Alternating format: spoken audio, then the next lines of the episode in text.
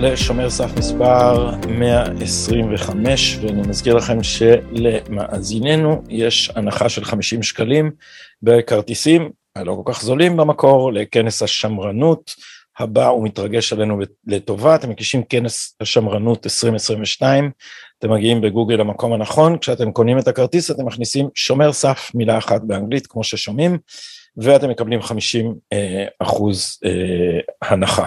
וכמו שאתם אה, כבר רואים, כי הפעם פתחתי במסך מפוצל האורח שלנו היום, הוא חיים רמון שמזמן לא היה כאן. חיים, שלום, טוב לראות אותך. שלום, באמת מזמן לא הייתי, ואני קצת התגעגעתי אליך, אז אמרתי לך, לא יודע אם יש לנו על מה לדבר, אבל אני רוצה לבוא.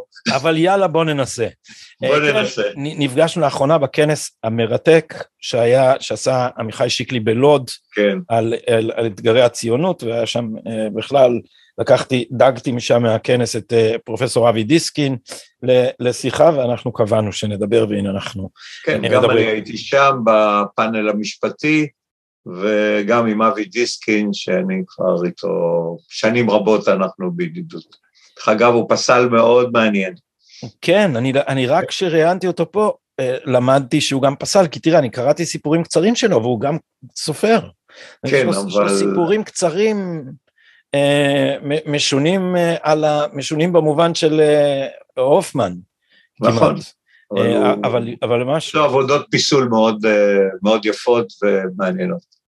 אמ, אנחנו נפתח, כפי שסיכמנו, בכמה מילים על ה... מצב כי עושה רושם שאנחנו בעיצומו של גל טרור, זה גל? זה סוג של גל שהוא נובע מהזנחה כפולה. הזנחה אחת, שתיהן הזנחות ביטחוניות, אבל הזנחה אחת היא הזנחה התקפית. והזנחה ההתקפית נוגעת למה שקורה בצפון השומרון. תקופה מאוד ארוכה אנחנו יודעים שהרשות הפלסטינית איבדה את יכולת המשילות. ישראל איבדה את יכולת המשילות בנגב, והם איבדו שם, להבדיל.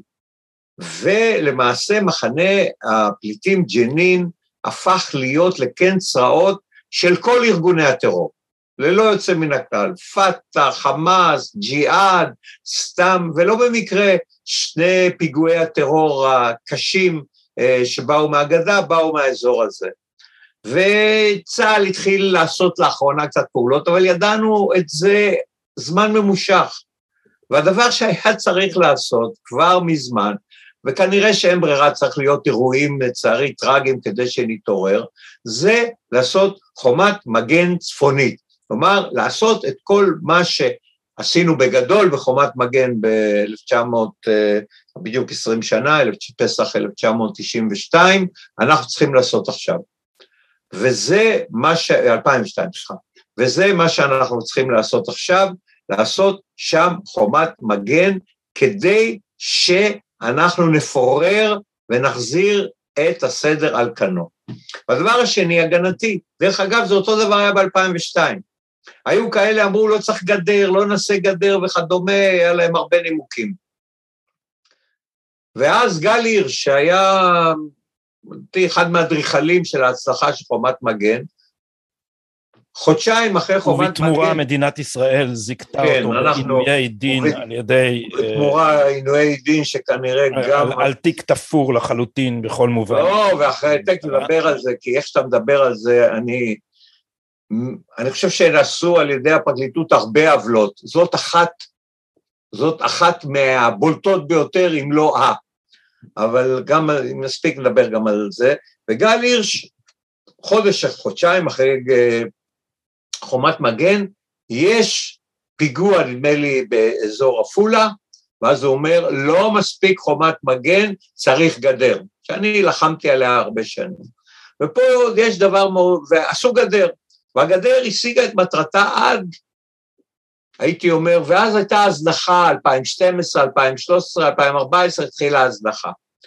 והתוצאה המיידית של ההזנחה הייתה שחיי האנשים שחיים לאורך קו התפר הפכו חזרה להפקר, לא במובן של, uh, של פעולות טרור נגדם, אלא uh, גנבות וחוסר ביטחון אישי מזעזע, וחזרנו למצב שהיה לפני הגדר, וגם היו פעולות טרור נגד הגדר. הנערה אור, אני לא אומר טוב את שם משפחתה, אור נרצחה, פרצה בגדר, הטרור בשרונה ב-2016 נדמה לי היה כתוצאה מהגדר, ועכשיו היו שני פיגועים כתוצאה מהפרצות. ובאופן מפתיע, הממשלות והצבא העלימו עין מהעניין הזה. היה להם נוח. באו, ופה הטמטום הכי גדול, באו ואמרו, אנחנו מעדיפים, אה, תכף אני אגיע גם באידיאולוגיה, אנחנו מעדיפים 40 אלף, 50 אלף שב"חים, ושירוויחו כסף, ולוקחים את הסיכון. מטומטמים? אם אתם בעד 40-50 אלף שב"חים, תעשו את זה בצורה מסודרת. אז אומרים, אבל אז השב"כ אומר, צריך, אה, יש רף, למשל גיל. אז תורידו את הרף, מה עדיף? שאנחנו, תהיה לנו בקרה לא מלאה על 40-50 אלף, ושלא תהיה בקרה בכלל? זה, זה אף פעם לא הבנתי את הטירוף הזה. ובצד הנוחות של גורמי הביטחון, ש, שהיה, יש גם אידיאולוגיה, ופה נפגשים האידיאולוגיות של שני הגורמים הכי קיצוניים. הימין הכי קיצוני והשמאל הכי קיצוני. הימין הקיצוני אומר, אנחנו רוצים ארץ ישראל השלמה, והגדר היא יוצרת גבול, ולכן אנחנו מעדיפים שגם אם יש סיכונים, אנחנו נשלם את המחיר. השמאל הקיצוני אומר, אנחנו רוצים מדינה דו-לאומית, גם אנחנו לא רוצים גדר. גם הם מוכנים שאזרחי ישראל ישלמו, אה, ישלמו את מחיר האידיאולוגיה בחייהם וביטחונם האישי. ולכן... אבל ה... אתה לא רוצה רק גדר, אתה רוצה גם באמת שהיא תהיה גבול. זאת אומרת, אתה מסכים איתם. אני, בגלל. אני, קודם כל, אני, זה היה לי ויכוח גדול עם אריק שרון. קודם כל, אני רוצה שיהיה גדר. גדר ביטחונית. היא יכולה בסוף היום גם להיות גדר מדינית ובלבד, ואני חוזר על זה מאה פעם. ואני אומר, הגדר המדינית איננה גדר ביטחונית במובן של השליטה הישראלית באזורים, באזורים שבהם, שבהם אנחנו, למשל, אנחנו, נניח שאנחנו באים ואומרים, אה, נניח שיש מדינה פלסטינית, זאת אומרת, מבחינה ביטחונית, וזה אני אומר באופן חד צדדי, אנחנו שולטים מבחינה ביטחונית כמו היום. נכון, יגידו לי, לא יסכימו, כן יסכימו, אז זה נראה, אבל קודם כל, מבחינה ביטחונית, בניגוד לעזה, אני מדבר על כך שמבחינה ביטחונית צה"ל נשאר לתקופה ארוכה ויש לו יכולת פעולה ביטחונית כמו היום. עכשיו, אבל עד שנגיע לשם, הרי אנחנו לא שם, לא הגדר תמנע שתי מדינות ולא הגדר תעשה, תמנע ישראל השלמה. אבל ברור, לדעת כל המומחים ולדעת כל הביטחוניסטים, הגדר הזאת מנעה מאות, אם לא אלפי, פיגועים במשך השנים כמובן, והצילה חיים. זה הדבר הכי חשוב, בואו נצ... זה מציל חיים, אין מה לעשות. זה אין, אין, אין מישהו בשב"כ, אין מישהו בצבא שהיום לא חושב כך. אבל מהנוחות להכיל, ואומרים, טוב, אין טרור בינתיים וכדומה, אני, היה לי רעיון בישראל היום בדצמבר, ואני אומר, חבר'ה, יהיה פיגוע, ואיך שיהיה פיגוע, אנחנו, נשתד... אנחנו נסדר את הגדר. אז למה לא לפני? ו-40-50 אלף שב"חים, בקלות אפשר לבוא לפחות להוסיף 20-30, תראה מה עשו בעזה. בעזה באו והוסיפו 20 אלף עובדים. לא היה אף עובד עד לפני שנה, עשו עשרת אלפים, עשו עשרים, אבל בדקו כל אחד, יודעים כל אחד, יודעים את שמו, יודעים מה הוא עושה, הרבה יותר קל להגיע אליהם. פשוט מאוד, זה פשוט מאוד לעשות את זה, וזה שני המהלכים, אחד התקפי, בדיוק כמו שהיה לפני עשרים שנה, אחד התקפי, אחד הגנתי, ושניהם ביחד, זה לא אומר שלא יהיה טרור, זה טרור קשה והכול, אבל זה בפירוש יקטין את סכנת הטרור ויחזיר יותר את כושר ההרתעה שאני מאמין שעבד לנו בגלל הדברים של מה שאני אומר ההכלה. ואם אני מילה על הנגב, מה, מה הבעיה בנגב? פה גם היא בעיה פוליטית. גם בנגב צריך לעשות חומת מגן. מה זה חומת מגן בנגב? לאסוף את הנשק. לאסוף את הנשק זה לא לעשות, מסתכל. תראה, אני, אני לא מאמין שזה יהיה, יהיה מלחמה. זאת אומרת, צריך אני, לעשות... אה, גם, גם חומת... גם חומת מגן הייתה מלחמה, אבל זה מה שאני אומר. אני, אנחנו, גם אם זה יהיה מלחמה, אנחנו צריכים ליזום אותה. אבל צריך לעשות את זה. אני הייתי אז בכנסת, ואמרנו ודיברנו הרבה על האם יצא לך לראות את הספר הזה? לא רק שיצא לי לראות, קראתי. קראת, מפחיד, מפחיד, זה מפחיד, אבל ככל שהזמן עובר ועסקתי בעניין הזה שהייתי שר והייתי חבר כנסת, אני זוכר באלף, הייתי שר פנים, באתי לבדואים, אמרתי, כמה ערים אתם רוצים? ערים בדואיות, חדשות, כי כל הזמן הקודמיי אמרו לא יותר מארבע, לא יותר מחמש, אמרתי, כמה אתם רוצים? אז הם אמרו מספר שהם האמינו שאני לא אסכים. אמרו תשע, אמרתי, יש תשע, אבל תנאי אחד, אין פזורה יותר. כולכם נכנסים לתשע. לא הסכים. ואז, ואז מסיבות כל מיני פוליטיות, יהודים טרפדו את זה. מי, איך ולמה? מסיבות פוליטיות של פריימריז במפלגת העבודה, אבל אני לא נוהג לדבר סרה במתים, ומכיוון שמי שעשה את זה איננו איתנו היום, אז אני לא, לא רוצה לחזור על זה, אבל זה באמת היה, ומה מה חיים אומר לכם, עזבו, אפשר להמשיך ככה, ואתם לא צריכים להיכנס, ונעשה לכם שש ערים, ואתם תשארו בפזורה. הפזורה זה הבעיה. אבל שוב, זה אותו דבר. אבל אתה מסכים, גם... עם, אתה מסכים עם הדעה שצריך ממש לעשות פה, אם זה יהיה מלחמה, מלחמה יזומה, להיכנס ולקחת את הנשק, נקודה. אני, אני חוזר לחומת, מה היה, בחו, מה היה חומת מגן?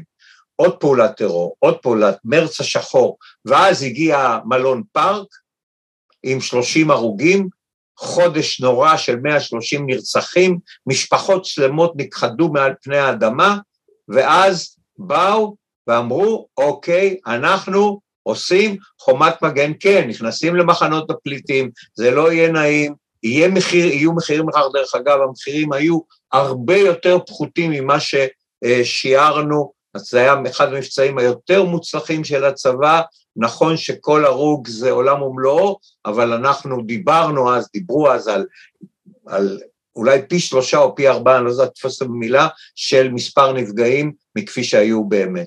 עכשיו פה אין ברירה, זה רק הולך ונהיה יותר רע.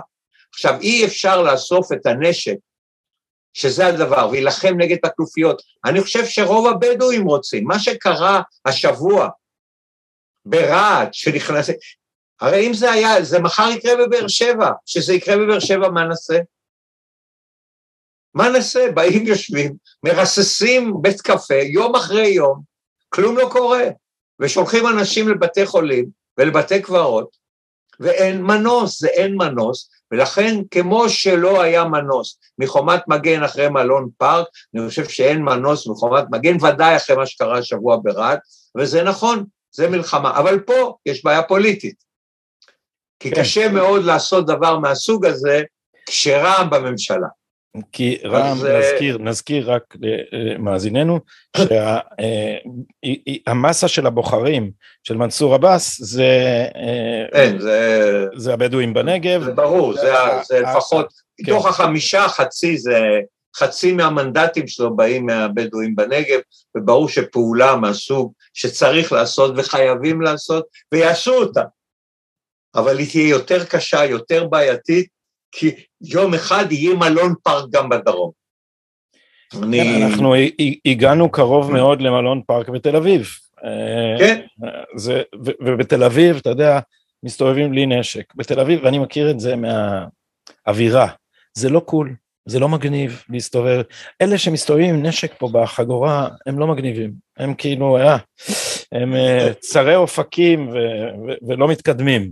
והתוצאה היא שמישהו אה, עם, אה, עם, עם, עם נשק אוטומטי. כן, אבל מה שקרה, מה שקרה, ואנחנו באמת, אני, לפעמים, אני, אני לא, אין לי בית גידול ימני, אבל לפעמים אני מבין את הימנים שהם באים, תושבי לוד, באים ורואים שבלילה אחד, תוך שעות, אלף חיילים ושוטרים נמצאים בדיזינגוף, כי היה פיגוע נורא, ושהם שיוועו לשוטרים וחיילים בלוד בתקופת שומר החומות, וגם אמרו לו, לא, לא, חיילים אה, לא יכולים, זה רק עניין של משטרה, והמשטרה כמובן לא הייתה ערוכה.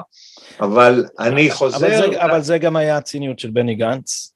כן, בהחלט. תחת, זה... תחת נתניהו הוא לא רצה לשתף פעולה והיה מוכן להפקיר חיים. מתי אתה תבין שמה שמותר לעשות בתקופה שאין נתניהו, אסור לעשות בתקופת נתניהו? זה מן המפורסמות, וזה חלק מהצביעות והמוסר הכפול, אבל זאת בהחלט בעיה. והעובדה ש, שאז צה"ל להיכנס ודיברו על זה, אפילו דיברו על השב"כ וזה לא הלך, אז היום אה, כולם מבינים שבלי מעורבות של צה"ל וכוחות, בעיקר כוחות מיוחדים, לא צה"ל במובן, לא טנקים ולא נגמ"שים לתל אביב או למקום אחר, אבל...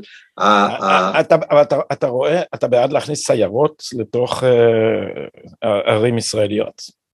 אני בעד, אני, אני אגיד ככה, שאני למשל בכל מה שקשור להחזרת המשילות בנגב ופתרון הבעיה הבדואית, אני בעד אה, חומת מגן שצריכה לשלב את כל הכוחות המיוחדים שיש למערכת הביטחון, אה, שזה ימ"מ ומשטרה ושב"כ ו... וכוחות אה, מיוחדים של צה"ל, כמו שכוחות מיוחדים של צה"ל הגיעו לתל אביב, אבל שם זה הרבה יותר חמור. כן, אה, אה, תשמע, יש, מסתובבות אצלי שתי נשמות בעניין הזה, מכיוון שאני לאחרונה קורא על השבקיזציה של משטרת ישראל, שמופעלת, אתה יודע, בעיקר כנגד משפחת הפשע המפורסמת, משפחת נתניהו, אבל אתה מסתכל על מה קרה מאז שנחשף מסמך יצחקי ב-2016, המשטרה תחת רוני אלשיך, אני, היה לי פה שומר סף עם, עם, עם, עם אבי וייס שהביא את הציטוטים מה, מהכנסת, יושב רוני אלשיך בכנסת, והוא אומר שהוא בעד שהמשטרה תחלק את הכוח שלה ככה ש-80% יעסוק במניעה. אתה, מבין מה זה מניעה? מניעה זה לרגל אחרי אנשים שלא עשו כלום. מניעה זה ככה עובד השב"כ. עכשיו, אני מצד אחד מוכרחים, אה, אי אפשר במגזר הבדואי והערבי, נוצרת מצד אחד אוטונומיה אה, בלתי משילה, מצד שני נשק, ותוסיף לזה את שהמסקנה משומר החומות הייתה ש-you can get away with murder. יש, יש לנו מערכת משפט פרוגרסיבית, עונשים נותנים ליהודים, ערבים מבינים אותם, הסכין מדי קצרה, הוא התכוון לרצח, אבל בעצם הוא התכוון לתרום לך כליה, אה, הם יכולים להמציא כל, כל דבר שהם רוצים בשביל להקל על אנשים שאחר כך עושים פיגועים. והתוצאה היא שהעזות מצח גוברת, ו, ו, ובשלב מסוים, כשיצאו אנשים חמושים עם נשק אוטומטי ו- ואני לא יודע, טילים שמשתמשים בהם עבריינים, אז יהיה פה מלחמת אזרחים ממש. כן, אבל את זה לדעתי אה, אפשר למנוע אם אנחנו נתחיל בהחזרת המשילות בדרום. זה יסמל לכולם שתם הטקס, ומדינת ישראל איננה מסוגלת ומוכנה להכיל יותר את הדברים, כי המילה היא להכיל, וכל הזמן אכלנו ואכלנו, ובסוף אנחנו אוכלים אותה בגדול. וזה מה שחייב להיות, ואני חושב שזה, משם צריכה להתחיל החזרת המשילות, והיא תשפיע על כל החלקים. מה שאמרת לגבי המשטרה, אז קודם כל, הדבר הזה צריך לעשות על פי חוק.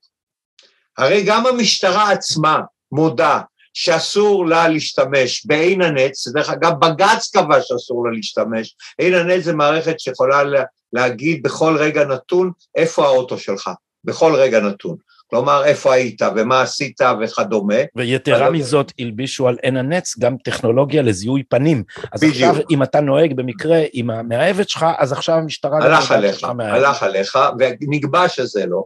ב', המשטרה ניסתה כבר שנים.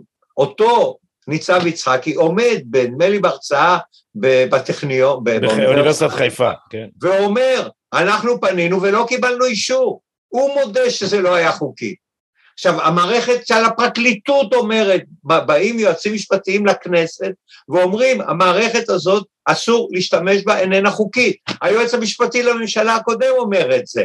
כל הזמן כל המערכות אמרו שזה לא חוקי, וזה לא- אבל... לא, וזה לא מנע. אבל, אבל אותו, אותו, אותו אה, אביעד גליקמן, שהוא, מה שהוא אומר זה מהפרקליטות, הוא אומר, אז בעשרות מקרים, עזוב ביבי, בעשרות מקרים השתמשו ברוגלות האלה, מי הם? מה הם? מה, מה עושים? איך אבל, באים... רגע, תראה מה קרה עם זה, כי פרץ. ואני רוצה להגיד מה קרה עם זה. בבקשה. נעלם מסדר היום.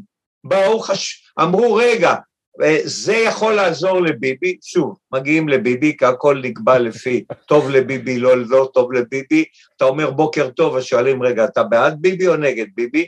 ולכן אמרו, רגע, זה יכול לעזור לביבי, בוא קודם כל, אנחנו את הגזרה הזאת שזה יכול לעזור לביבי, ודרך אגב, אפילו, אפילו הוועדה המצחיקה הזאת של... אה, עמית מררי.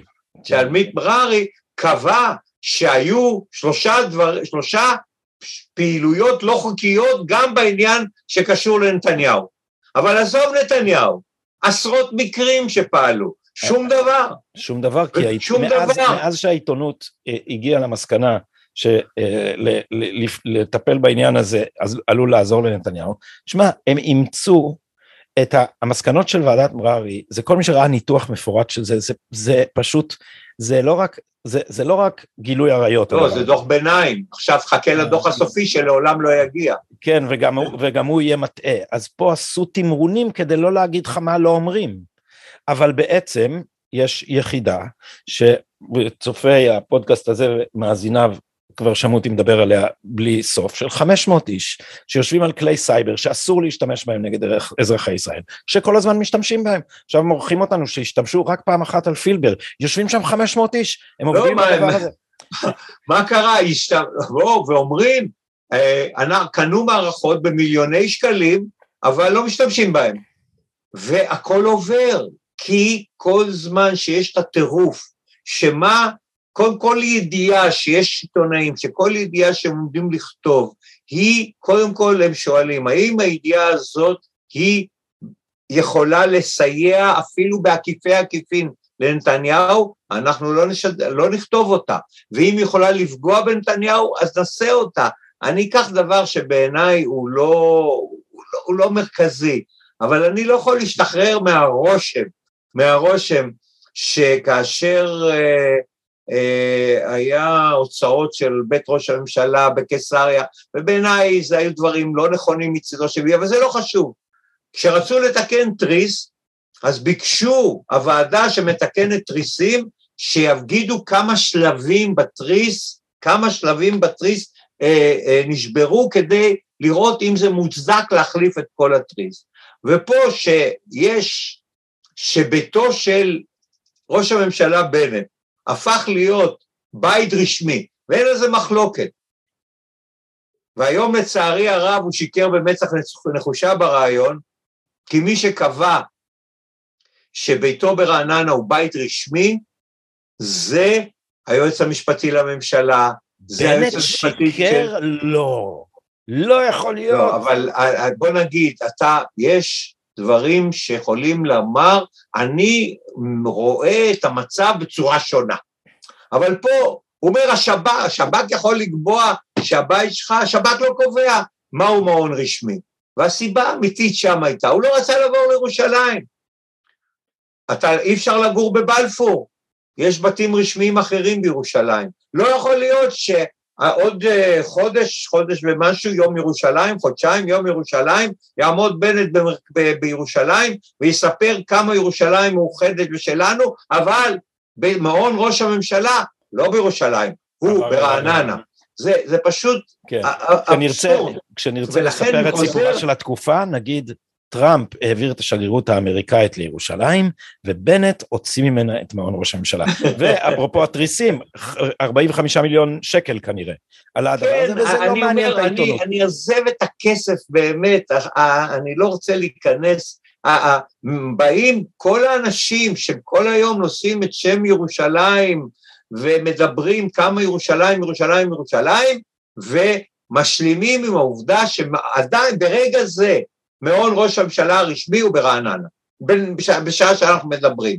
זו פגיעה מהותית שלא היה עולה על הדעת בשום, בשום מדינה מתוקנת שמישהו יחליט להעביר את בית ראש המדינה מתל אביב, מבירתו לעיר אחרת. עוד כל הכבוד לרעננה, תל אביב קצת, אבל באמת, אבל אני... אבל אני, אני לא. רוצה לאבד את קצה החוט, כי רק לסגור את הסוגריים האלה לגבי מסמך יצחקי וכל השיטות הפסולות שמני יצחקי ורוני אלשיך הנהיגו במשטרה, זה שהם הבינו מוקדם מאוד שאם הם יחקרו את נתניהו יעזבו אותם. כך שכשרביב דרוקר חשף את, ה, את, את קיומו של מסמך יצחקי, וזה היה ב, ביוני נדמה לי 2016, הדבר הראשון שעשה, וזה דרוקר התרגז אחר כך וכתב הספין שעשו עליי, זה, זה הספין כנראה מקורו במני יצחקי, שאמר לו אבל אנחנו חוקרים את ראש הממשלה. ואז הוא, ו, ו, ו, ואז רביב דרוקר אומר, אבל הוא לא באמת חקר את ראש הממשלה, מה הוא חשב שזה יעבוד עליי. אבל תראה, תסתכל מה המסגרת של זה. האנשים במשטרה אני, מבינים שלא ייגעו בהם, אם הם יירדו את ביבי. אחת הסיבות שרציתי שנדבר היום זה שאני אצליח לפרוס בצורה מסודרת את איך קרה שביבי פתאום הפך להיות ממגן המערכת המשפטית לאויב המערכת המשפטית, מה היה התהליך. בבקשה. ואהרון ברק, הפוליטיקאי העל, הוא גם משפטן גאון, אבל הוא פוליטיקאי על, גאון, שטוב מרוב הפוליטיקאים, גם השפיע על המערכת הפוליטית יותר מכל אדם אחר. אה, לא במקרה הוא תיאר את נתניהו כמגן המערכת המשפטית. ו... ותקופה ארוכה מאוד, ביבי כאילו עשה דיל, אה, למשל, לא חקרו אותו בנושא ביבי טור, סגרו את התיקים, שרה סגרו כמעט את כל התיקים וכדומה, ואז הגיע, הגיע שנת 2015-2016. מה קרה ב-2015?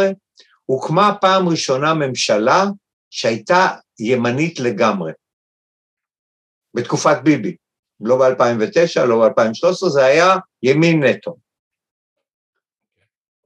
ומה שאני קורא, התעורר, התעורר עניין ליאורה גלט ברקוביץ'. הזכורה לטוב והזכורה לרע. ליאור, לטובת הצופים, ליאור אגלת ברקוביץ' אה, ב-2003 הגיע, הייתה פרקליטה במחוז תל אביב, והיא הגיעה למסקנה שצריך לפעול להורדתו של אריאל שרון מהשלטון, כי הוא מהווה סכנה קיומית. וליאור אגלת ברקוביץ' אה, הדליפה מסמכים שנועדו לפי דברי בית המשפט לפגוע במעמדו של אה, אריאל שרון בקרב ציבור הבוחרים, אני מצטט מפסק הדין שהוא עמדה לדין, כדי שהוא לא ייבחר. אומרת, היא השתמשה בידע ובכוח השיפוטי שלה על מנת להביא לכך שאריאל שרון לא ייבחר, ואיך עושים את זה? מדליפים נגדו אה, חלקים אה, מתוך אה, חקירות וטיוטות, כתבי אישום וכדומה. וב-2015-2016 התגבשה, להערכתי, אני, כי אני מכיר את הנפשות, קבוצה של אנשים שאני מכיר אותם, רק הם לא בפרקליטות, אבל הם חשבו על ביבי אותו דבר. הם היו כולם הסקלים כאלה. אתה רואה, ב-2015, עוד לפני שהוא היה מושחת, הוא כבר עשו הפגנות וכולי וכולי. והם אמרו, אנחנו חייבים לבוא לכך שלפעול להורדתו מהשלטון של נתניהו. ובאותה תקופה הם אה, התחילו לחקור. עכשיו, מכיוון שאז מנדלבליט... הקבוצה הזאת היא, היא בתוך הפרקליטות, היא מחוץ לפרקליטות? היא בתוך הפרקליטות, היא ליאורה גלד ברקוביץ', ואני יכול להוכיח לפחות חלק מזה, הקבוצה, גם איך שהמשפט מתנהל, אז רואים איך, איך זה הגיע, אני, אני אגיע לקטע הזה, אבל צריך ללכת שלב שלב איתי. שם קיבוצי, ליאור אגלת ברקוביץ', הם, הם החליטו והתחילו לעבוד על זה. היה יותר מליאור אגלת, היו בכירים, שלושה, ארבעה, חמישה, מספיק, לא צריך יותר. וכך קרה, שהם אה, התחילו לחקור נגד ראש הממשלה בלי אישור. למה היה בלי אישור? הם מאוד חששו, מאוד חששו, שמנדלבליט לא ייתן להם אישור לחקור ראש הממשלה, כפי שחוק יסוד אה, הממשלה מחייב, שאי אפשר לפתוח חקירה נגד הממשלה ללא אישור של אה, היועץ המשפטי. ואז הם התחילו לחקור. השלב השני היה גיוסו של אלשיך. אתה זוכר שרוני אלשיך היה אה, לואי דה פינה בשנה הראשונה לכהונתו? אני זוכר ש, שיש דף כזה בפייסבוק שנקרא משטרת לואי דה פינס. אז זהו, אתה יותר אתה טוב. מתכוון, של, אתה מתכוון שלעגו לו?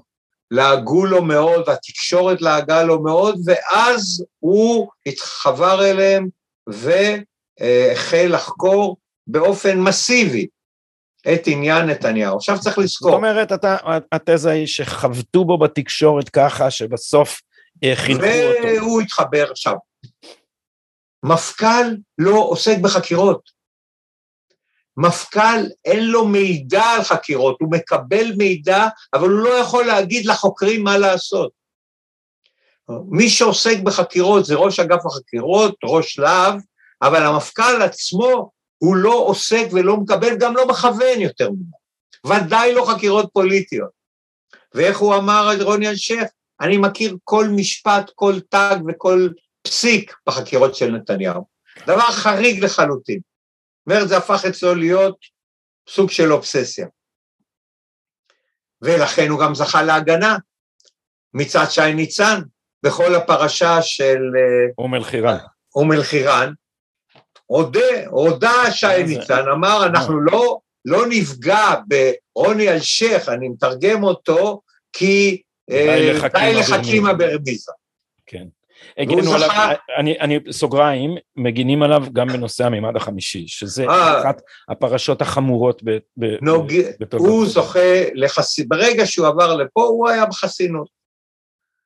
ואז, לאט לאט, אה, כך נהיה, ואז אה, היה ברור שיש להם תיק לא רע בנושא מרמה והפרת אמונים, גם באלף, גם בארבעת אלפים, אבל הם הבינו ששני, שמרמה והפרת אמונים היא לא מספקת.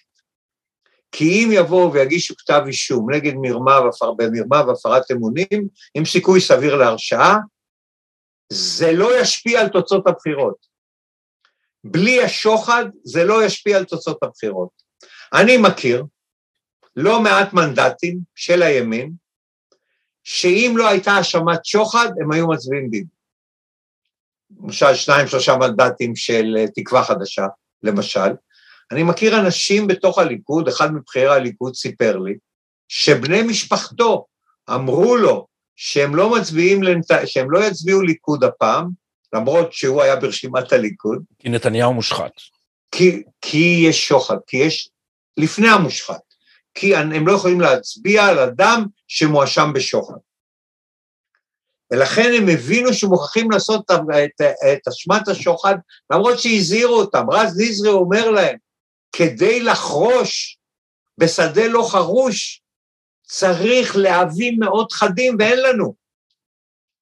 ואז הוא כמובן זכה מצד uh, הדוברים של הפרקליטות בתקשורת להתקפות חריפות מאוד וכינויים שלמרות שהוא שומר סף, אבל אם הוא לא בתלם אז אז אה, אם הוא לא מסמן מטרה והוא לא אה, גיוס העמדות, אז הוא באותה בעיה. שזה הציטוט המפורסם שלך ממני מזוז. זה ציטוט מפורסם ממני מזוז, ש... שהגיע ל... מצאתי מדיניות של סימון מטרות וגיוס עמדות. בקיצור, זה, זה מני מזוז, כשהוא נכנס לפרקליטות, הוא אמר תופרים תיקים, נכון? זה שפה אחרת אה, להגיד... מה זה, מה זה סימון מטרות? כן. עכשיו, זה, גיוס עמדות, זה 25 פרקליטים שיושבים, מגישים כתב אישום, שבית משפט אומר להם, פעמיים ושלוש, תתקנו אותו. עכשיו, גם הם הבינו שהאשמה בשוחד, ששי ניצן אמר שהיא תקדימית נגד ראש ממשלה, היא מאוד מאוד ריסקית. אבל בין היעד העליון להביא לכך שנתניהו לא להיבחר. עכשיו, איך יש לי הוכחה? הוכחה, יש לי הוכחת ליאורה גלד ברקוביץ'. ב-2019, מערכת הבחירות הראשונה, יש הדלפות שמגיעות רק לידי דוברי הפרקליטות בתקשורת, והם לא נמצאים, הם עוד לא הועברו מעולם לפרקליטים של נתניהו. והם באופן מסיבי יוצרים אווירה של נתניהו מושחת ונתן הטבות במיליארד תמורת, אז עוד היה תקשורת אוהדת. אחרי זה עבר להיענות חריגה וכדומה. וזאת הסיבה המהותית שהם דבקים עד היום בשוחד. אבל כאשר התחילה עסקת הטיעון, ואני אגיד משהו על העסקת טיעון, ברגע שהתחילה עסקת הטיעון, מיד הם ויתרו על השוחד. למה? כי הם מבינים שאם תהיה, אם נתניהו בסוף המשפט, וזאת הערכתי, הוא יצא זכאי בשוחד, הוא כנראה עם סיכוי גבוה יורשע במרמה והפרת אמונים באלף ובארבעת אלפים, אזי זה תהיה מכה נוראה לפרקליטות, כי על התיק, על השברה הזאת, הם למעשה הפילו ראש ממשלה, הם לא הפילו אותו על מרמה והפרת אמונים, הם הפילו אותו על שוחד. ולכן העסקת טיעון באיזשהו שלב הייתה, אחרי העדות של פילבר, שזה אני גם אגיד את מילה, אחרי העדות של פילבר, הם רצו, היו מתחדשים המגעים לעסקת טיעון. מה ששיבש עכשיו זה הפרישה של סילמן, ותכף נגיד כמה מילים פוליטיות גם כמובן, אבל כרגע זה מוקפא, הלו? אני לא שומע אני, אותך. אני מאוד סקרן, כי שכחתי להוריד את המיוט כשהשתעלתי. אה, אה, אני מאוד סקרן לשמוע את הדעה שלך על מצבה של הקואליציה, אז אל תשכח. תכף אני אגיד, אני רק אסיים בזה, אני מסיים. אבל אם לא הייתה עסקת טיעון, כי לשני הצדדים זה כדאי, אני אסביר למה. הפרקליטות אמרתי, כי אה, לצאת זכאי בשוחד והוא יצא זכאי בשוחד, גם אם בית המשפט יכתוב מבחינת הספק וכל מיני דברים כדי שהם לא יצאו לגמרי אה, מראש, שהחמאה תימרח על הפרצוף וכדומה, אבל בלתי אפשרי להרשיע, גם אחרי עדות פילבר. עדות פילבר ודאי לא ביססה, אני הולך לקולה, לטובת הפרקליטות, ודאי לא ביססה מעבר לכל ספק עבירת שוחד. ודאי שנשארו הרבה ספקות בה, ואני עכשיו עשיתי הנחה גדולה לפרקליטות. גדולה מאוד. גדולה מאוד, אבל אפילו שאתה עושה את ההנחה הזאת, אני לא, יכיר, לא מכיר משפטן רציני שיבוא ויגיד שיש יש עבירת שוחד מעבר לכל ספק. ולכן, עכשיו למה כדאי לביבי? מכיוון שאני מעריך שהסיכוי שהוא יצא זכאי במרמה והפרת אמונים הם uh, קלושים עד לא קיימים, אז עדיף לגמור עם זה עכשיו, ולא בעוד שלוש-ארבע שנים, וגם מבחינתו, נכון, הוא יקבל, יהיה קלון וכדומה, אבל שנת 75 בפתח, ובכל שנת 75 אה, הכנסת, לא הנשיא, חוקקה חוקים שהקלו וכדומה, וכולם הסתפקו בכך שבבחירות הבאות, אם הייתה עסקת טיעון, אני עוזב תכף להגיע לפוליטיקה, אני לא יודע, בהנחה שהממשלה לא עומדת ליפול, שכן, אה, אז אה, היה גם לא כדאי, ולא להגיע למצב בעוד שלוש-ארבע שנים שהוא יוצא זכאי, בעצם עסקת טיעון, אבל הוא במצב יותר רע, כי זה בעוד שלוש-ארבע שנים. ועכשיו למצב הפוליטי, שלדעתי דחתה מאוד את עסקת הטיעון. כן. Uh, הממשלה הזאת uh, סיימה, סיימה את כהונתה. ואין, אי אפשר, אי אפשר לנהל ממשלה ב-60-60, וזה פרפורי גסיסה. עכשיו, אני מבין את בנט. בנט, אין לו עתיד. אין לו עתיד פוליטי. בתום כהונתו כראש ממשלה, הוא סיים את חייו הפוליטיים, אלא אם הוא ירצה להיות חבר כנסת מן המניין אצל יאיר לפיד, מה שאני לא מאמין וכדומה, הוא סיים, אין לו תקווה לכלום, ולכן הוא מבחינתו יעשה הכל, כולל הסתייעות עם המשותפת, תקשיב טוב, הם לא אומרים, הם אומרים, אנחנו לא נעשה איתם הסכם קואליציוני, הם לא אומרים שהם לא, יסתי, הם לא יעשו איתם הסכמים אה, על מנת שהממשלה הזאת אה, אה, תמשיך אה, להיות, אה, להמשיך בכהונתה, כי אין לו ברירה. אותו דבר מתן כהנא, מתן כהנא אמר את זה היום. שניהם אין להם עתיד פוליטי. ולכן ככל... ואיילת שקד. אוקיי. הם אין להם עתיד פוליטי. עכשיו אני בא לשאר, אה, נשארו ארבעה. כל הארבעה האחרים מי ש... כולל סילבן, מי שיגיע, ראש... כולם ברי סליחה, כולם ברי סליחה, בניגוד לבנט, אם איילת שקד זה, היא ברת סליחה, היא הכי חשובה, אבל היא גם ברת סליחה עם כאבי בטן של לא מעטים בליכוד. אני אומר לך, אני לא, אני ליכודניק, אני לא מצביע ליכוד אם היא הולכת לליכוד. מאה אחוז. מקבלים את איילת שקד, מאה אחוז. אני לא אחוז. מתקרב לליכוד עם מקל. מאה אחוז. נדבר לקראת הבחירות. אני מבין את הבטן שלך, אבל אתה אדם רציונלי, בסופו של יום אתה אני- תבין... בסופו ש- של יום אני אצביע למפלגה אחרת. ימנית. יכול להיות, אם יהיה לך למי להצביע. אתה לא תצביע למרכז-שמאל, לא מניח שאתה תצביע לימינה, אז נראה. אולי נסדר לך מפלגה שתוכל להצביע עליה. אם עמיחי שיקלי יעשה מפלגה, נראה. אני, אבל- אני לוקח את זה בחשבון. אז אני לוק- לוקח ואומר, איילת שקד, עכשיו, מי, ש, מי שמארבעה האלה לא יבוא להיות ה-61, הוא, הוא, אני לא רוצה להתבטא בחריפות, והוא חפץ חיים פוליטיים. הוא רוצה להיות בכנסת הבאה. זו טעות דרמטית. או, אוקיי. הוא חייב, מי שיבוא. עכשיו, אם איילת שקד בא, או אפילו באה איילת שקד היום, עם כל מה שאתה לא נוגע עם מקל וכל הדיבורים שאמרת עכשיו, אם איילת שקד באה ואומרת, אני, אה, אביר קארה ואורבך, באים בתנאי שאנחנו, ועידית סילמן, אנחנו חטיבה בליכוד. הליכוד בולע את זה בגדול, ובצדק מבחינתו. כבר עשו דברים יותר גרועים מבחינת שריונים בתוך הליכוד. אני יודע, זה קשה. אבל אם מחר בבוקר, ואני חושב שמי שהכי מועמד לעשות את זה שבונה לו, אה, בונה לו אליבי מתוחכם, זה אברבוך, מה? לא, אביר קארה, אביר קארה מתנדנד, אני לא, הוא בלתי צפוי, אבל אברבוך שאמר שצריך ניר- לחבר, ניר ניר? אורבך, אורבך. אורבך, ניר אורבך, סליחה, סליחה ניר אורבך, הוא בא ואומר, אני רוצה א', ב', ג', לא תיתנו לי, אני לא פה. ועכשיו הוא נותן גם על דברים ימניים, כמו חיבור לחשמל של uh, המאחזים, כמו הקפאת, uh, הפסקת הקפאת התנחלויות וכדומה, דברים שהם מאוד קשים. עכשיו, הוא, הם לא מבינים שברגע שיהיו מגעים אמיתיים עם, עם המשותפת, אני יודע שאתה לא עושה הבחנה, אבל באמת, לעשות מגעים עם משותפת, כשבל"ד היא ציר מרכזי, שזה באמת, בעיניי, בל"ד וחיזבאללה זה אותו דבר. זה דבר נורא. לא ולכן- במקרה ראש בל"ד לשעבר, כן. בשארה, ריגל הוא- עבור החיזבאללה בישראל. לא, אם הוא היה בארץ, הוא היה מועמד לדין על עבירות אה, פגיעה ריגול, המדינה. ריגול, כן. ריגול והכול, שהוא היה גומר בהרבה מאוד שנים בכלא.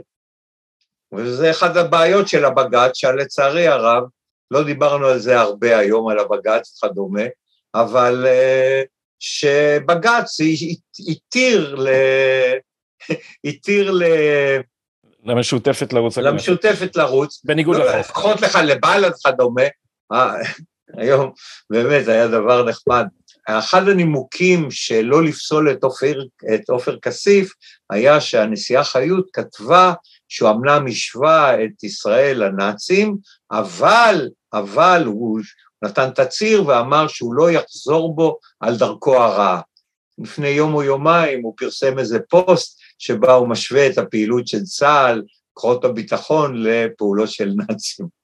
מעניין. לא משנה, בסיבוב הבא של הבחירות הוא יגיד עוד פעם שהוא לא יחזור לדרכו. שהוא לא יחזור לדרכו. אבל, אה, ולכן אנחנו, אנחנו להערכתי צופים בחירות, במובן שפרפורי הגסיסה יתארכו, אני מעריך שלקראת ספטמבר אנחנו אה, נהיה בחירות. עכשיו, מה יהיה רגע, בחירות? אבל אני רק רוצה להבין, אתה, אתה, בעצם אתה אומר, יש פה איזה מין דילמת האסיר כזאת ב- ב- בין אנשי ימינה, שהראשון שילך יציל את עצמו, והשאר, ו- ובכך הוא יטביע את השאר.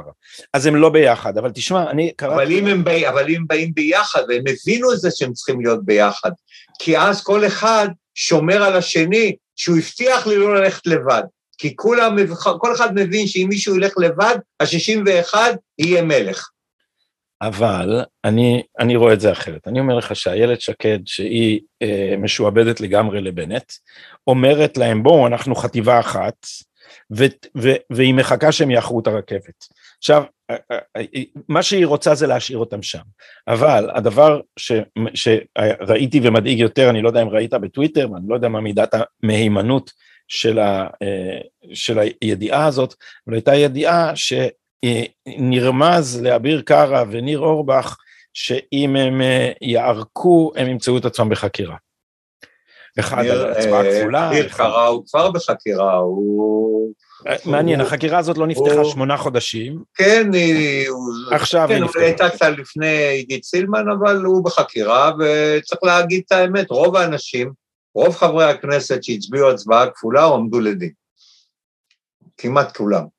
עמדו לדין והורשעו. לא, אבל, אבל מה שמדהים זה שלא נגעו בזה שמונה חודשים. כן, זה עכשיו כשהעסק מתנדנד, עכשיו כשהעסק מתנדנד זה פתאום נוכח. אה, ועל ניר אורבך, אני רוצה להזכיר, יש אי סדרים בבית היהודי שהוא ונפתלי בנט כנראה עשו שם איזה שירקס, את בנט לא חוקרים כמובן כי הוא מאותרג לחלוטין. כן, אבל פה, פה יהיה קשה רק לחקור את אה, ניר אורבך, כי אם יחקרו אז צריכו לחקור את בנט, ובנט יש לו חסינות מכאן הודעה חדשה, ולכן אה, אני לא, אני לא מאמין, אני לא...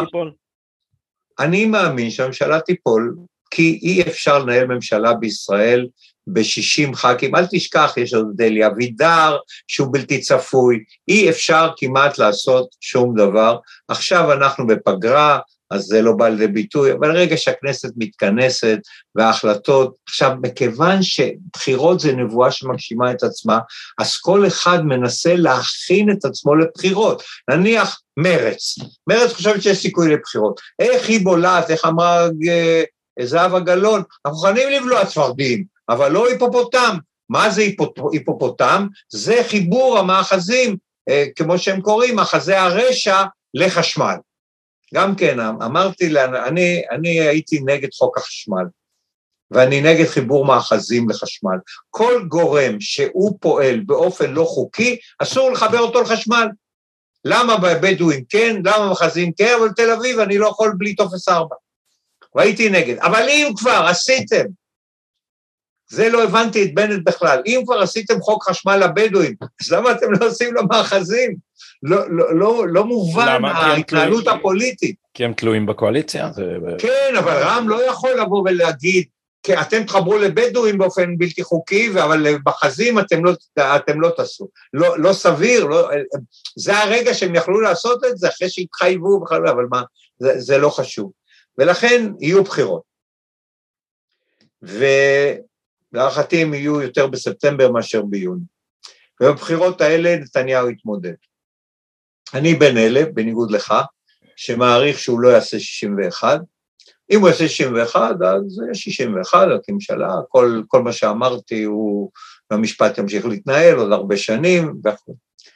אבל להערכתי, אם הוא לא עושה 61, הליכוד לא יאפשר לו אה, לגרום להם להמשיך להיות באופוזיציה. והליכוד ירצה להקים גם במחיר קשה, שביבי לא יעמוד בראש, והם יתחלפו. והדבר השני, שהוא הכי חשוב בעיניי, כי אתה יודע שאני, אה, הנושא המדיני חשוב לי, יקר לי, אבל אה, צריך שניים לטנגו, ואני מאמין שבסופו של דבר זה יקרה לא בגללנו, אלא בגלל האויבים שלנו, אבל אני בא ואומר, הנושא שאתה עוסק בו הרבה, וזה הדיקטטורה המשפטית, שאין גבול, כל פעם היא שוברת שיאים אחרים, לאו דווקא בנושאים חשובים.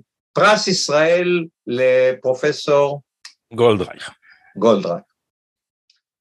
מה, מה, מה אתם עושים? לא היה דבר כזה, זה פסק דין שאי אפשר להאמין שהוא קיים בכלל. אי אפשר להאמין שהוא קיים, הרי זה לא באמת אם יקבל, לא יקבל. שני שרי חינוך באים, החוק כתוב במפורש, אומר, מאפשר לעשות את זה. אני כבר לא לוקח נושאים חשובים, והם אומרים, מי אתם? מה אתם? אנחנו הבלבטית של המדינה הזאת. אנחנו אדוני, האדונים, ואתם יכולים להחליט, אבל אנחנו נקבע. עכשיו מדברים, באמת, אני, אני רוצה לדבר על זה, אני יכול להיות כמעיין המתגבר. עכשיו מדברים על, אה, גבי, על, אה, מדברים על שלילת קצבאות של הביטוח הלאומי. אני שומע, אני, אני, אני צוחק. אתמול הקימו ועדת בדיקה בהתנגדות מרצ. מה זאת אומרת? אתם לא יודעים שיש חוק? לא, יש חוק בכנסת שחוקק, ששולל קצבאות מתושב, לא מאזרח. והחוק הזה קיים. ומנדלבליט ו... ש... ומנדלבליט טרפד את החוק הזה, וקבע, נכון, אפשר לשלול תושבות, ואז צריך לתת לו מעמד של ארעי, וארעי זכאי לקצבאות.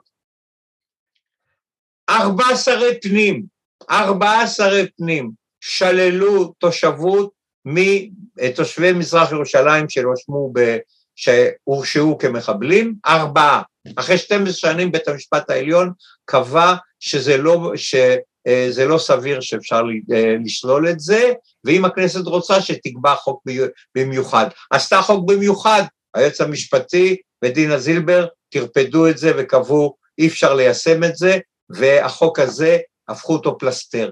זה, אני מדבר על פסקי דין מעכשיו, אתה שומע את הדברים האלה, ואם לא תהיה, לפחות זה, וזה הצ'אנס הגדול, שגם גדעון סער פספס, מהפכה משפטית שתחזיר את הריבונות לידי העם, ותחזיר את הפרדת הרשויות, ויהיה, נחזור לימים הטובים של בית המשפט, של ימי אגרנט ו... ואולשן, ואני לא רוצה, ו... ו... ושמגר וכולם, ענקי משפט, ולנדאו כמובן, ונעשה ונחזור לימים שאין, שלא יושבים וקובעים שחוקים בישראל זו המלצה לא מחייבת, והכרעת הריבון היא המלצה לא מחייבת בפני בית המשפט העליון. אז עכשיו, חיים, לפני סיום, אתה, בספר שלך יש לך תוכנית 22, 22 נקודות. נקודות. 22 נקודות. אז בוא, אנחנו לא נקרא, נקרא עכשיו, נשחזר את כל ה-22, אבל תן לנו מה, מה, מה העיקר, מה הרוח של המהפכה ואיך תכלס היא יכולה לקרות, לא איך בתיאוריה היא תיפול לנו מהשמיים, כן, איך אם, פוליטית היא אה, תתרגש. אם, אם, אה, אם המערכת הפוליטית לא תהיה רופסת ומתרפסת ותעמוד על כבודה ועל כך שהיא מייצגת את הריבון, ותמנה שר משפטים ראוי לשמו שאיננו פוחד, לא מתיקים ולא מכלום, אז אפשר לעשות את זה, כי יש רוב גם בכנסת וגם בעם. אבל כל פעם, בגלל רפיסות וחולשת המערכת הפוליטית, המציאות הלכה, וזה בית המשפט הכי אקטיביסטי שהיה אי פעם, הרבה יותר מזה של ברק. נכון שברק נותן רוח גבית למציאות הנוכחית. כאשר בראשה, בלשון המעטה, לא עומדים ענקי משפט כמו שאמרו בעבר. אבל השיטה עובדת ככה שזה תמיד משתלם לצד פוליטי אחד. אז עכשיו הצד שזה משתלם לו, אז, זה, אז, תזיזו לי את ביבי. אבל עכשיו, אבל עכשיו, רק בגלל העניין של ביבי, אם לא היה ביבי, נניח, אז יש 70 שרוצים לעשות את זה, אבל זה אתה, מעיד אתה על כל המערכת. שאתה אתה מאלה שאומרים יזוז ביבי ותהיה ממשלה של 70? אני חושב... תהיה קואליציה של 70? לא, אני, קודם כל, תראה, אם ביבי עושה 61, אז אני אז, אז הוא עשה 61 והעם בחר בו, ולא אני אחליט שהוא לא יהיה ממשלה. אבל אם הוא הולך לבחירות האלה והוא לא מצליח, הוא צריך לתת את הסיכוי הזה. אני אחזור משהו להיסטוריה הפרטית שלי. אני באתי, אחרי התרגיל המסריח, באתי לשמעון פרס ואמרתי לו, שמעון, תקשיב, התאבדנו בשבילך, עשינו דברים באמת שלא יעשו. לא הולך, תן למישהו אחר. לא יכול להיות שאנחנו לא נגיע לשלטון שוב ושוב ושוב בגלל, בגלל, שבגלל שאתה עומד בראש. הוא לא אהב את זה, אבל אמרנו.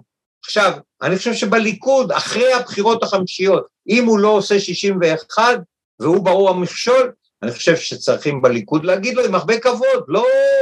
כי הוא באמת זה, והוא יוליך אותם זה, ויש אנשים בליכוד אומרים הוא יעשה 61, אוקיי, תן לו את הצ'אנס. כן, אבל הליכוד, אם, אם אתה מעמיד בראשו את אה, יולי אדלשטיין, יש לו 20 מנדטים. מה זה חשוב, על מין יש 70. זה מה שחשוב. אני חוזר אבל לדבר שהכי חשוב.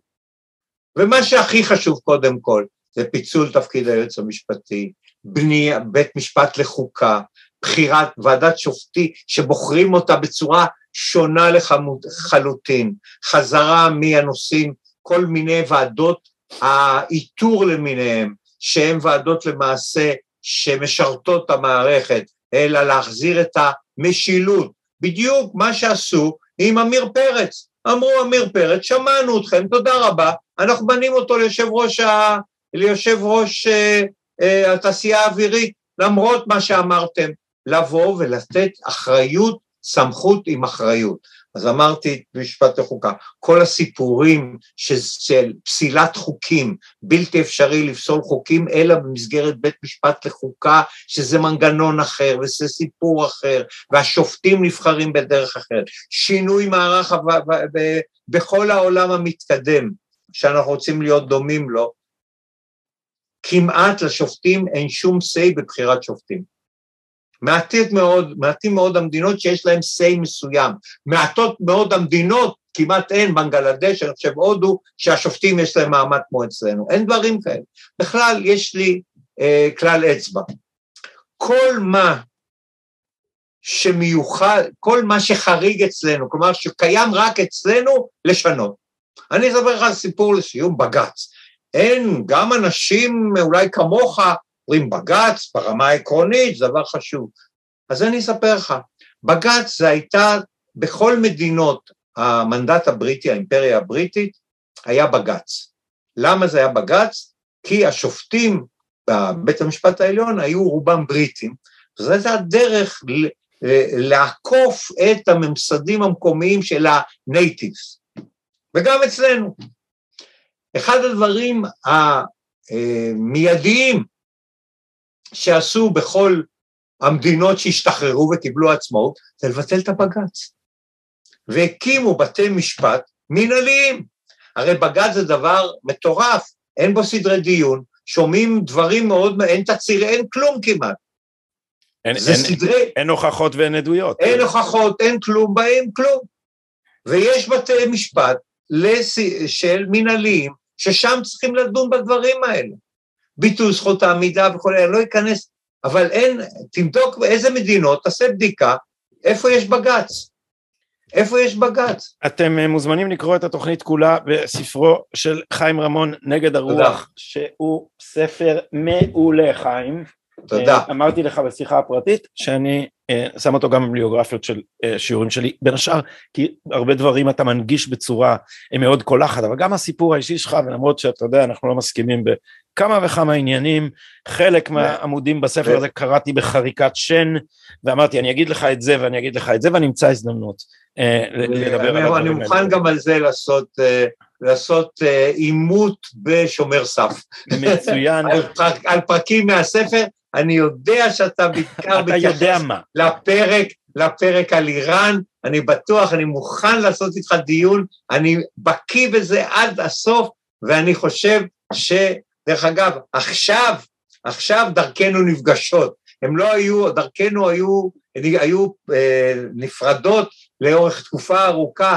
בהסכם הנוכחי זה פשוט, אבל זה, זה שומר זה, סף אחר. זה דיון אחר, ואגב, ואל תחמיץ, יהיה, זה כבר הוקלט, יש דיון עם מייק דורן, אחד הפרשנים המעניינים ביותר באמריקה על הנושא האיראני ועל המזרח התיכון בכלל, על ה-JCPOA, על הסכם הגרעין החדש המתגבש, זה פשוט עכשיו בתרגום אצל ידידתי אה, אליזבת רימיני, שעושה תרגומים חופשיים, אל תשכחו, תלכו לערוץ שלה, גם בטלגרם, גם בטוויטר עם תרגמת חומרים מרתקים מארצות הברית, וגם כשאנחנו עושים את הפודקאסט הזה באנגלית. חיים רמון, תודה רבה לך על השיחה הזאת. תודה רבה לך ששוב התארחתי פה, והיה לי כיף. לכבוד ולעונג, תודה. תודה.